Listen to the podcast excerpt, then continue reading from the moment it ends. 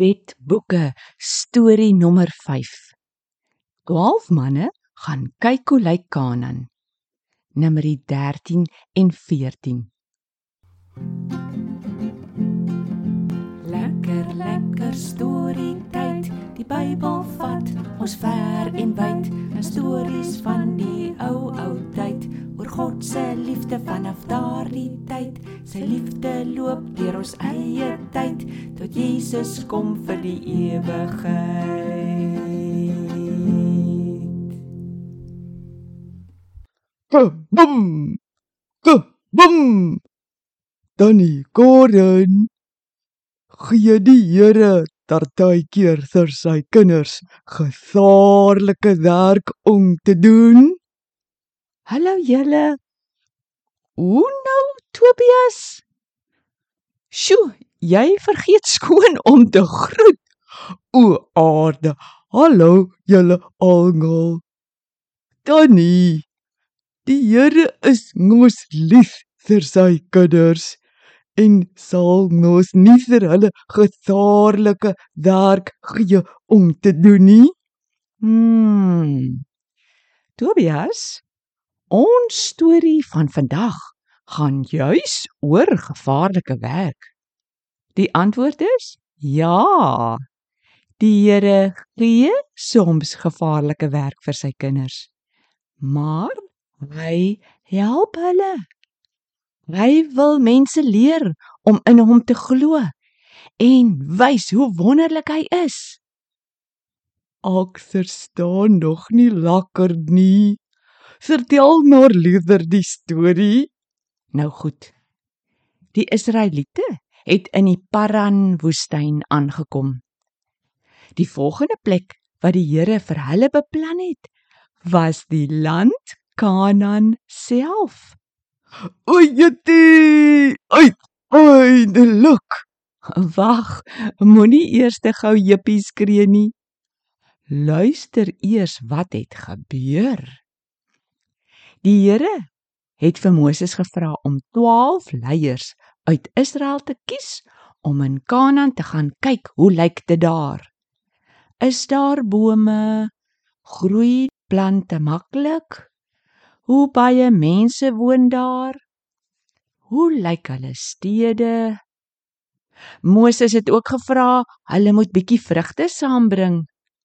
So gesê, so gedaan en daar trek die 12 manne. Hulle kom toe by Eskol spruit en sien die grootste tros druiwe wat hulle nog gesien het. Hulle besluit om dit af te sny om saam te vat. Maar o aarde, dis so groot dat hulle dit oor 'n stok moes sit en twee sterk manne moes dit dra.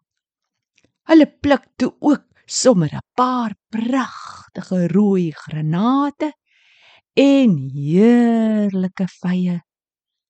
Hulle het 40 dae lank deur die land geloop en alles bekyk.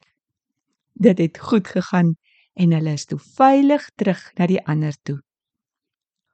Nice en vertel hulle toe vir almal. Ja, hulle wys die heerlike vrugte en begin vertel alles wat hulle gesien het. Dis 'n land wat oorloop van melk en honing. Kyk net die druiwe. Maar die mense daar is groot en sterk. Ons het soos klein swak springkane daar by hulle gevoel. Hulle stede het groot, dik mure rondom. Toe spring Caleb op, baie opgewonde. Haai, Israeliete. Ons moet beslis so gou moontlik optrek want ons kan daai mense verslaan. Joshua het ook saamgestem.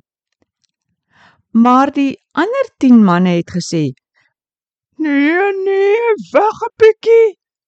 Daai mense is baie sterker as ons. Ons kan nie teen hulle veg nie. Die Enakite is reuse.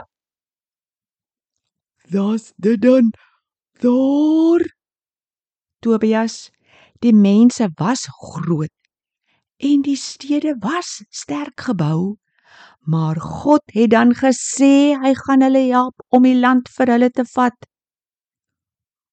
dat gebeur toe dan nie Daai hele nag het hulle gekla. Moses en Aaron, hoekom het ons nie maar in Egipte of in die woestyn doodgegaan nie? Nou wil die Here ons in hierdie land inbring dat ons en ons kinders gevang of doodgemaak kan word. Nee man, ons moet maar liewer terug na Egipte. Kom ons kies vir ons ander leier en gaan terug. Moses en Aaron het op hulle knieë neergeval. Joshua en Caleb het hulle klere geskeur om te wys hoe hartseer hulle was. Hulle het gevra: moet tog nie in opstand kom teen God nie. Hy sal ons help. Hy het beloof. Moenie bang wees vir daai mense nie. Hulle gode kan hulle nie help nie. Maar die ander Israeliete wou glad vir Joshua en Caleb met klippe doodgooi. Dat het die Here hierdan gedink. Net toe het die Here se wolk by die tabernakel verskyn. Hy het vir Moses gevra: "Hoe lank sal hierdie volk nog dink ek kan nie alles doen wat ek sê nie?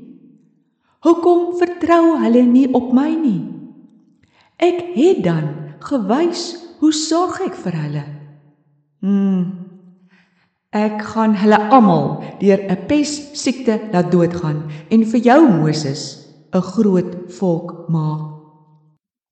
Moses het vir God gesmeek om dit nie te doen nie en hulle asseblief tog te vergewe want hy het dan gesê hy is geduldig en vol liefde.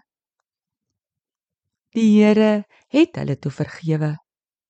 Maar die 10 manne wat gemaak het dat die volk nie op God vertrou nie, is almal deur 'n siekte dood wat die Here gestuur het. Die Here het ook gesê: Moses, die volk bly wegdraai van my af. Ek sal hulle nie nou almal laat doodgaan nie, maar nie een van hulle gaan in die beloofde land Kanaan in nie.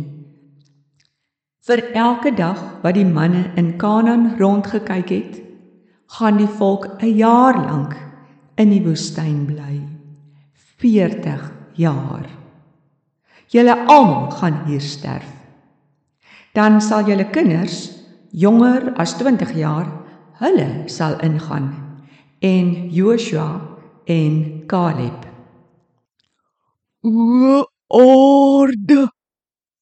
Dat sê die mense toe. Wel, toe is hulle jammer en huil. Goed, ons was verkeerd. Ons sal nou na Kanaan toe gaan. Moses het hulle gewaarsku dat hulle nie nou meer kan gaan nie. God gaan hulle nie help nie, want hulle het van hom af weggedraai. Maar hulle het tog gegaan en die mense van Kanaan het hulle uitmekaar gejaag. Ooh, so tog. Dit en nog 40 jaar. Ek verstaan nou. Dit was gevaarlike werk om te gaan veg in Kanaan. Maar die Here het beloof om hulle te help. Ag, wonder dat gaan my ngaatjie dan die storie dink. Ek wil gou vir hom gaan vertel. Ek groet dan eers. Sjoe, daar is hy by die deur uit. Maats. Dis 'n storie waaroor ons lekker kan sit en dink. God gee gevaarlike werk. Maar as hy die werk gee, sal hy ook help. Want dit gaan alles oor hom. daarmee. Totsiens, tot volgende keer.